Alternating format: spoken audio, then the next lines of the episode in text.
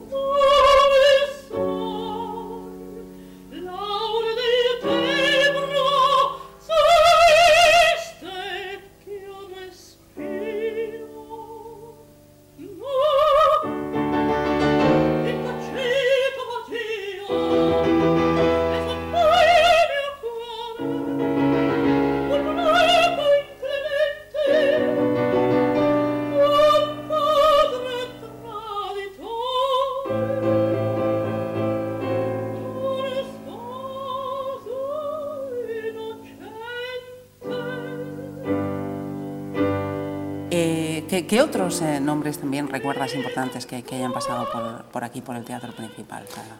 Hombre, eh, el, el Ballet Nacional, obviamente no lo volveremos a tener en el, en el teatro principal nunca, eh, por las dimensiones del escenario y el propio escenario en sí. No, no, es, un, no es un escenario pensado para, para ballet, por las curvas, inclinaciones que tiene, eh, fue un diseño no apropiado para eso. ¿no? En aquel caso hubo que meter madera todo encima del escenario. Eh, el escenario principal son unas plataformas móviles que suben y bajan, con lo cual hubo que apuntalarlas por abajo porque no se podía, no, no- no podían vibrar de la forma en que vibraban. Es un, es un problema añadido, ¿no? Eh, y, hombre, luego también recuerdo, a posteriori, eh, aquí hubo unas, unas funciones mm, buenas, digamos, de calidad, que las traía Caixa Galicia en su momento, y recuerdo los niños cantores, Los niños ejemplo, cantores de Viena. sí, vamos, fue para Pontevedra supongo que fue un, momento Bonito. histórico, ¿no? Sí, sí. Y, y- y tú que, que sigues eh, todos esos eh, espectáculos, eh, ¿el público de Pontevedra eh, responde? Sí, sí, sí, responde. Y, y curiosamente al teatro, muy bien, ¿no? Yo creo que somos de las... Todas las compañías que vienen de fuera siempre mencionan eh, que Pontevedra mm, siempre llena en teatro y, en otras ciudades no, no es Ajá. así. Ujú. Eh, mm, hablábamos eh, de, de técnico de mantenimiento. Tú, además de, esas eh, partes más técnicas, eh, me decías que has tenido que hacer casi de todo. Recuerdo que me has dicho que hasta buscar planchadoras. Sí, sí, porque a veces las compañías pues, llegan con su producción y llegan aquí y, aquí no hay planchadoras, como puede haber en otros teatros grandes de, de Madrid, ¿no?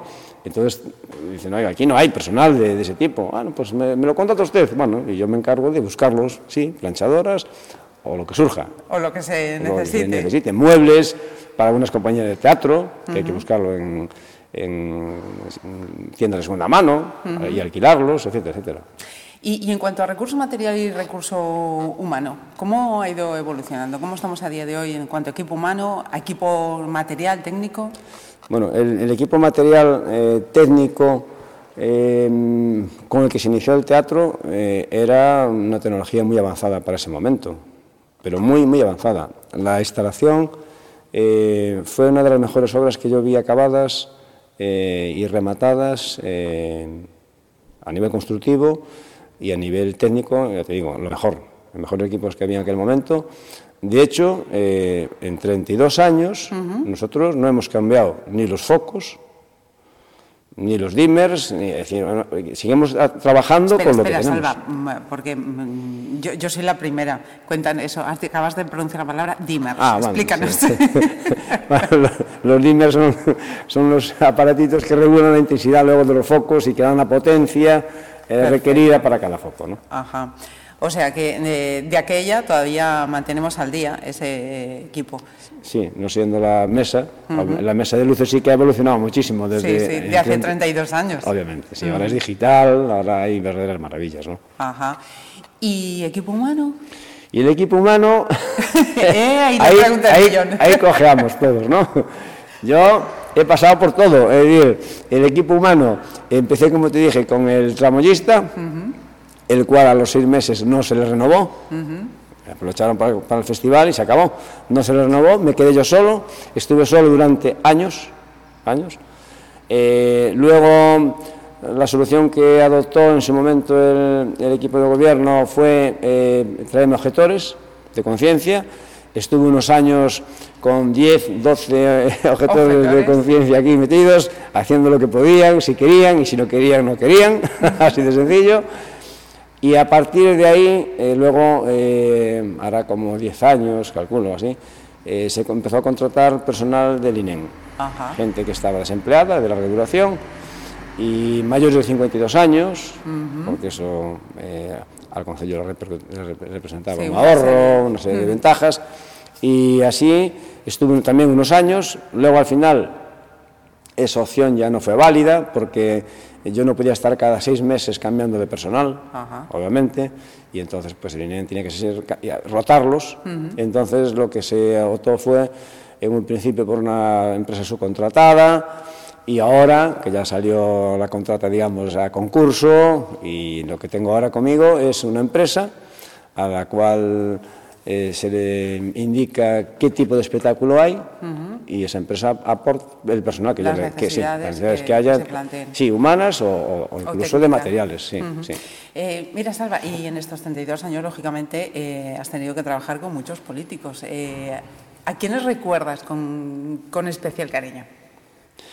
Eh, me imagino que porque fue el principio y yo estaba más, más tensionado y estaba más, supongo, para mí como concejal delegado del área de cultura, eh, una persona que sí que me marcó, que fue José Manuel Brea, Eh, fue el segundo concejal de cultura que tuve, Eh, una persona humana, una persona mm, la cual... Con mucha preocupación por la cultura. Sí, sí, y luego que también si trabajabas te lo valoraba, ¿vale? Si no, Si no trabajabas, no, pero si trabajabas te lo valora- valoraba. Y, y luego, como alcalde, pues yo creo que por el momento también que fue, ¿no? La inauguración, los problemas que tuvo y tal, pues eh, don José Rivas Fontán para mí sí que me marcó, eh, porque yo entiendo que fue una persona que con muy pocos recursos, en aquel momento, nada lo que tiene que ver hoy en día, con muy pocos recursos, pues hizo, o yo que entiendo que hizo cosas, eh, que luego el principal tendrá sus Sí, sus detractores. Sí, eh, porque si el escenario tiene que estar donde está y no estar ubicado en el vestíbulo, etcétera, etcétera, si la obra fue faraónica, si no, pero bueno, pero eh, es lo que tenemos ahora mismo y, y- y- y será- realmente será aprovechado en, en ese tiempo Ajá. que hemos tenido. Pues si te parece, con tu ayuda, Salva, eh, vamos a conocer esas partes del teatro principal, esos rincones que la mayoría de los ciudadanos no, no tienen ocasión de, Los de menos conocer. visibles. Efectivamente. Muy bien, vamos. Vamos a ello. Yo. Pues subimos. Bueno, quizás una de las cosas que puede y que menos ve el, el público en general es la tramoya que tienen los teatros, no los auditorios, ¿vale? Ajá. El auditorio de Pontevedra sí que no tiene esto. La tramoya, que es, básicamente son cuerdas, varas, que pueden ser electrificadas o no, y eso, como suben y bajamos los telones. ¿Vale? Un sistema de contrapesos que lleva, que son los pesos que hay ahí, y con eso hacemos que la vara pese poquito. Metamos el peso que metamos. ¿vale? Ajá. Que digamos que es donde trabaja el tramoyista de un, de un teatro, ¿no? Es, es, co- es de las eh, complejas, es eh, No, sencilla. no, es... es, es manual. ¿vale? Ajá. Eh, hoy en día se pueden hacer eléctricas, que le das a un botoncito y, Y ya suben y bajan. Estas en aquel momento era lo que había y están muy bien, es decir, siguen funcionando, están en uso, en un buen estado de conservación y mantenimiento, es decir, no tiene mayor problema. Ahí ya no tenemos la pantalla de cine, la pantalla de vídeo, bambalinas, patas, todo lo que suele haber en un teatro. Ajá. Aquí- Eh, es- esa frase tan, tan repetida, eh, estar entre, entre bambalinas, es esto que estamos viendo, La ¿no? bambalina, sí, la bambalina es esto, mira. Es esto que te voy a bajar. Es- estas son las bambalinas. Esto es. ¿Vale? Y después, para aforar una escenografía, esa es la palabra, es- usamos lo que son las patas. Y estas son las patas, que es lo que hay en todas las escenografías y en todos los teatros. ¿Vale? Las el ancho que necesita. Esto es lo que se afora un teatro. Eso, el telón de fondo, luego aquí disponemos del telón de boca y cortina americana. Y luego a mayores tenemos un telón eh, cortafuegos que eh, es para utilizar en caso de que haya un incendio en el escenario, para cortar la parte del escenario con el público. Eh, se, se puede bajar el solo si se disparan unos sprinklers que hay arriba, por calor, o por detección de, de humos, o nosotros podemos hacer manu- manualmente de los dos puntos, eh, que uno incluso está en la parte de donde está el público. Ajá. ¿vale? Que ahora está escondido, a veces lo bajamos, para, tiene, está pintado por un pintor que no me acuerdo ahora quién era, pero... Demasiados pero- datos, Alba. Sí. Y, y todo esto de, bueno, pues al saber cuándo tienes que bajar la vara, la bambalina, todo eso es, es como, como un, un guion fuera de, de escena, vosotros tenéis que saber, en este Sí. momento se sube, en este momento se baja, lo tenéis Sí, que tener aprendido. Normalmente la- la- el movimiento de telones, eh, si no piden tramoyista, lo hacen la propia compañía y si aportamos nosotros el tramoyista, es la función del tramoyista. ¿no? Ajá. Eh, nos decías que, que el, el escenario eh, es móvil, ¿no? O sea, hay una parte que sube, Sí, otra parte sí. que baja. Esto, este espacio es una plataforma que sube y baja, baja dos pisos, y esta de atrás es otra más pequeña, que es la que utilizamos normalmente para esconder el piano, cuando hay una producción que el piano no puede estar ahí, pues lo bajamos a la- una sala que está allí al fondo de- de- para el piano, y es donde tenemos focos guardados, todo la, digamos que hace las funciones de almacén, ¿no? Ajá. Después de abajo. Nos acaban de mencionar el piano. Mm, creo que te vamos a tener ocasión de verlo también, ¿no? Ah, bueno, sí, hoy, hoy como no tenemos piano, pues está aquí. Eh, cuéntanos, por favor, Salva, la, la- la historia de este, de este piano. Sí, este piano eh, fue una cesión, una donación que hizo al pueblo de Pontevedra mm, en su día eh, Caixa Pontevedra, la Caixa de los Forros de Pontevedra. Eh, y bueno, es un piano que, eh, que recordar que estaba valorado en 8 millones de las antiguas pesetas. De las antiguas pesetas. Sí, sí. ¿Y este, este piano ya, ya estaba en aquella actuación de, de La-? Sí, sí, sí. Digamos que lo, lo, pro- lo inauguró ella. Lo inauguró ella. sí, sí, Caray. sí. ¿Y, y el mantenimiento de, de este piano, que, cuánto supone? ¿Qué requiere? Bueno, el, piano lo que requiere es una afinación siempre que tengamos un concierto, siempre se afina previamente. Y luego, mm, realmente el cuidado que luego tenemos es, se le hizo hace cuatro o cinco años un, un repaso por un técnico reparador de pianos de Vigo. eh, y el piano está, si el piano si no sufre cambios de temperatura bruscos, eh, nosotros somos muy súper cuidadosos en, el- en ese extremo, ¿no? Eh, por eso ahora mismo, eh, si podemos, lo tenemos en el escenario, a un lado, para, porque es el mejor ambiente que vamos a tener, donde luego se va a utilizar, ¿no? Eh, aunque realmente su sala está en un sótano, ¿no? Es una sala adaptada, habilitada, pero la temperatura no es igual. Arriba que abajo. sí, por lo tanto, yo prefiero que esté siempre arriba. Ajá, perfecto. Un piano, si se ve lo que es la maquinaria, es todo madera y fieltro. Ajá. ¿Vale? Es decir, no tiene otra cosa. Eh, pues es tan eh, aconsejable que no haya cambio brusco de temperatura, que no haya humedad excesiva. eh, entonces, eh, pues bueno, yo había estado en Portugal y en Portugal me enseñaron cómo se reparaba la máquina de un piano. Lo que pasa es que eso después quedó en el olvido ya. y sí todavía desmonto esto de vez en cuando, y le echo un, un vistazo. Porque muchas veces lo que nos pasa es que los pianistas, pianistas suelen, eh, cuando están eh, ensayando, sobre todo, pues suelen tener aquí bolígrafos y se cuelan y luego después no te dicen nada y luego te enteras que un día vas a dar un acorde y, y- y hay un problema con una tecla que no va. Bueno, pues hay que sacar toda la máquina para afuera y buscar dónde está. Eh, me he encontrado de todo. Monedas, sí, sí, monedas, llaves, lo que más bolis o lápices, ¿no? Pero de todo, sí, sí. Nada indiscreto en cualquier No, caso. no, no, no, no, no. Pero sí que, sí que suele pasar, ¿no? Ajá. Sí que suele pasar. Pues esto es muy sencillo. La maquinaria va aquí dentro, ¿vale? Estos son los apagadores, que veis? Esto es lo que apaga el sonido para que la, la- la nota no quede sostenida. Al, al ceder, baja, es como, es como apaga. Y los macillos, ahí a lo mejor no se ven, pero es, son- es lo que golpea las, las cuerdas, ¿no? Estas que son tres en la triplería, y luego los bordones ya son estos que llevan aquí que van con, con cobre, revestidos de cobre, que son para notas graves. Estos son la- el clavijero, que es donde afina el afinador. Afinador, eh, la afinación es en el tensado de estas cuerdas, y es- lo hacen en el clavije- en el clavijero. Ahora voy a llevar a donde están los focos, digamos toda la, la parte que mueve los focos, ¿vale? Que eso sí que no lo ve nunca nadie, obviamente. Genial.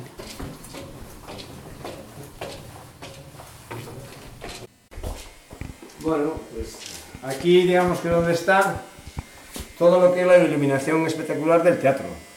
¿Vale? Eh, en cada clavija de cada base, base suco va un foco o dos, pueden ir, y esto es lo que regula, o todo lo que veis aquí, son focos que están ahora mismo encendidos en el escenario. ¿Vale? Tenemos 120 canales, ¿vale? Podemos tener hasta 240 focos de 1000 vatios. Y bueno, este aparatito que ahora veis aquí es más reciente. Esto es del 86, ojo todo. Ya veis, está, está ahí, no pasa, nada. Este es más reciente porque esto fue cuando convertimos la señal analógica, que antes era analógica, a la digital, que es ahora, ¿vale? Ahora los meses todos son digitales, con lo cual hubo que reconvertir eh, la señal del multipresador este a este aparatito digital. Y aquí es donde, cuando hay una, eh, función de teatro, pues viene el ilu- iluminador y va enclavijando cada clavija determinada en cada eh, punto de cada vara, ¿vale? Digamos que esto son las varas que bajé, pues allí hay una base de cada uno de estos, ¿no? Y a través de esa disposición, pues hace el montaje. Bueno, la tronera está aquí, y como podéis observar, eh, es un sitio muy cómodo para hacer toda la iluminación frontal del escenario. Todo el frente, yo lo ilumino eh, sin ningún tipo de problema. ¿Vale? La temperatura ya veis que es eh, Elevada. muy elevada. Aquí estamos siempre a 35 grados mínimo. Mínimo. Mínimo. Mínimo, sí, sí. Caray, y decías que eh, esto es excepcional porque lo habitual es que esté. Sí, lo habitual Abajo. es, están visibles los focos y se hace desde el patio butaca la iluminación, ¿no? Eh, aquí está oculto y no se ven los focos, realmente.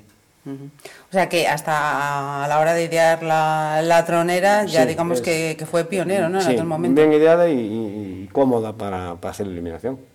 Ujú.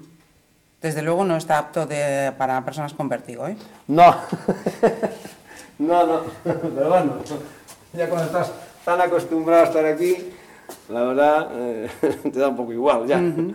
y, y- y me imagino que también esto eh, supone Ah, eh, una una... anécdota Sí, por que nos favor. pasó un día en una, en una función que nosotros tenemos unos focos laterales, que luego os enseñaré, y ese nos reventó un foco, una, una- una lente, reventó, no sabemos por qué, no suele pasar, ¿no? Eh, si bien tiene una protección con una rejilla, aún así los trocitos de- del cristal, que estaba a unas temperaturas, imagínate, a la, a la cantidad de grados que puede haber encima de un cristal de esos, ¿no? En una lente de esas, pues, y le cayó a una señora en el bolso, menos mal, eh, se lo quemó, obviamente, ¿no? Pero sí fue, digamos, de las situaciones, digamos, difíciles que, que sucedieron, ¿no? Ajá. Aquí. Nunca tuvimos ningún tipo de... De incidente, No, problema. no, Ujú. realmente no. Ese, así que yo recuerdo así un poco más, más grave ese. Y afortunadamente Y no, afortunadamente. no se resolvió mal. No, no, no, no hubo problema. Caray. Eh, te iba a preguntar eso, que, que también eh, la, la perspectiva que te da ah, estar aquí es privilegiada, ¿no? Sí, sí. No, no, sería un buen sitio para ver incluso una, una- un espectáculo, ¿no? Lo que pasa es que no aguantas la calor aquí, eh, ni, ni en invierno, porque hoy hace poquito que encendimos los focos, ¿no? Pero esto cuando llevamos aquí dos horas es insoportable. Sí, sí. Las lámparas no se deben enfocar en frío de todo, deben estar una, eh, a un 20% unos minutos para que estén un poco calientes. Ahí es cuando enfocamos. Si enfocas en frío, lo más probable es que luego al día siguiente o el mismo día de la, de la función eh, la, la lámpara salte. ¿Vale? Son pequeños detalles que si no tienes en cuenta, los ilumina- iluminadores ya los tienen en cuenta, ¿no? Ajá. Si no lo tienes en cuenta, no ganas para lámparas. Sí, claro, estarías cada Y función. estas eh, lámparas son muy caras, ojo, no son, caras, no son baratas, ¿sabes? Entonces, siempre tienes que tener esa precaución. Ahora mismo, tan caliente como está, los filamentos están, están a una temperatura que nada que le muevas va a estirar, lo que ha provocado después la... que es que se fundan, sí, sí, que se fundan. Sí, señor. Ya luego aquí no tenemos, aquí es donde contrapesamos, ¿vale? Aquí normalmente donde, donde se pone el, el tramoyista, suele haber una persona abajo y aquí otro tiene que estar metiendo los pesos. Por los pesos que te dije que estaban en Sí. el suelo, esos se meten desde aquí. Ajá. Desde aquí o de la siguiente Planta. eh, planta, sí.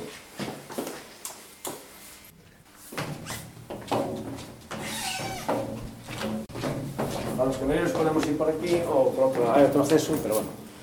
Lo que Bajamos, por, a- por aquí. La caballera fue por aquí, ¿eh? La utilizó para bajar a, a los camerinos.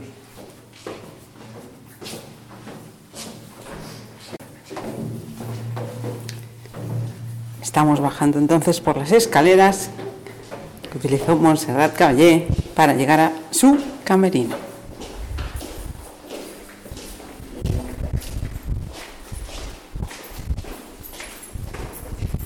Y, y Salva, eh, esto a día de hoy me imagino que bueno eh, se sigue utilizando, ¿no? Ah, ella lo utilizó en su momento, pero No, no, sigue utilizando realmente.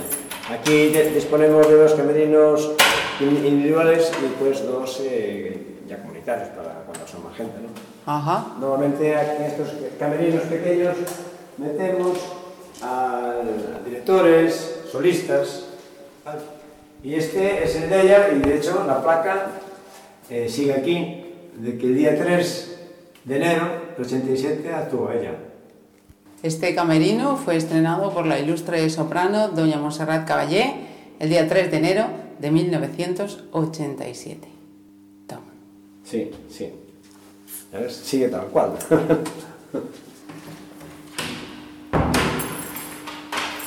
y el- Bueno, abajo ya tenemos lo que son las bombas. Vale.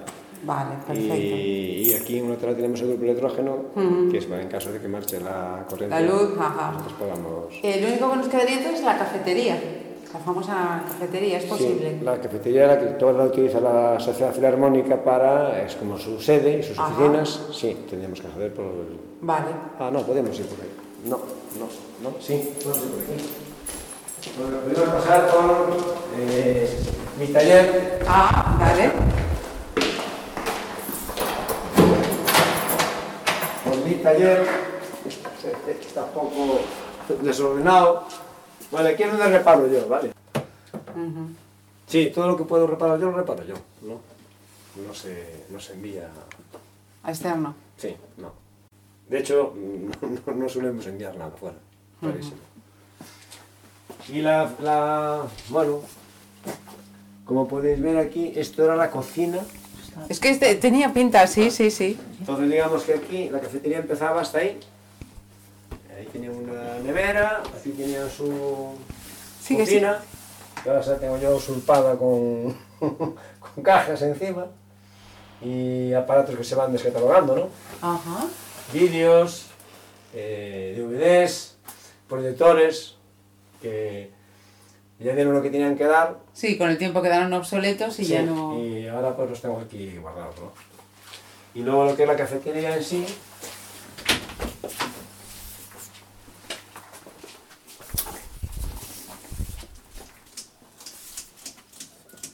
pues ahora mismo, eh, como os comentaba, ocupada por la Sociedad Filarmónica de Pontevedra, desde el momento en que dejaron de estar en de Fontoira, ¿no? que era donde tenían su, Su su- sede. su- su sede, sí. Ajá. Y este es el famoso piano Del que nos hablabas que antes. comenté que en su año, supongo el 84, 83, pues, y que estaba en el, en el- en el casino, pues se había cambiado en la empresa en la que yo estaba todas las, todos los mecanismos, aquí se ve mejor, de, un piano, ¿no? Bordó los apagadores nuevos, los macillos, no recuerdo si se la pomazaron nada más o si se metieron nuevos, no me acuerdo ahora, porque hace mucho... Este piano, por ejemplo, ya eh, tiene el teclado de marfil, ¿vale? Que los pianos de ahora son plástico. Vale, esto es marfil. Esto la- lo que es la es, es el marfil, que bueno, ahora no, se hace en marfil, ¿no? Ahora es plástico puro y duro. cueste lo que cueste el piano, ¿no? Pero antes era marfil que se, se ponía amarillo eh, con el uso. Y bueno, nosotros en, en, en la empresa que yo estaba, pues los, los dejamos blancos otra vez, obviamente, ¿no? ¿Y la cafetería Salva entonces durante cuántos años estuvo abierto? Yo ahora no recuerdo, porque fue tantos años en los que lleva cerrada, eh, que yo igual te digo que funcionó cinco años, pues a lo mejor cinco años. Luego ya se cerró y luego se le buscó eh, esta ocupación ahora que eh, era transitoria, pero bueno, va pasando y ya. Y casi ya es definitiva. Sí, sí, sí, ya. La verdad es que sí, ¿no? Realmente yo en su día lo que, me, lo que se propuso era hacer un acceso eh, a través de esta cafetería a los camerinos. El, el único fallo que tiene el teatro principal cuando se diseñó fue que el arquitecto, no sé en qué estaría pensando, pero no puso un paso directo desde el público a los camerinos sin pasar por el escenario. Entonces eso te genera una serie de, de problemas. Eh, hay, hay producciones teatrales, incluso, que la- los, los actores tienen que inco- incorporarse por el público en algún momento determinado, porque así lo requiere la obra. Eh, aquí o salen a la calle, haciendo uso de la, de la salida de las oficinas, o no hay forma. Eh, en los demás teatros tienes un paso desde bambalinas o desde los, los camerinos al vestíbulo del teatro sin ningún tipo de problema. Aquí no lo hicieron. Eso fue un fallo, ¿no? Pues eh, acabamos de hacer una más que interesante visita al teatro principal. eh, Gracias a Salva Casas de Rey que nos ha guiado. De verdad, un auténtico placer. Muchísimas gracias. No, nada, el placer ha sido mío por vuestra compañía y hasta que queráis.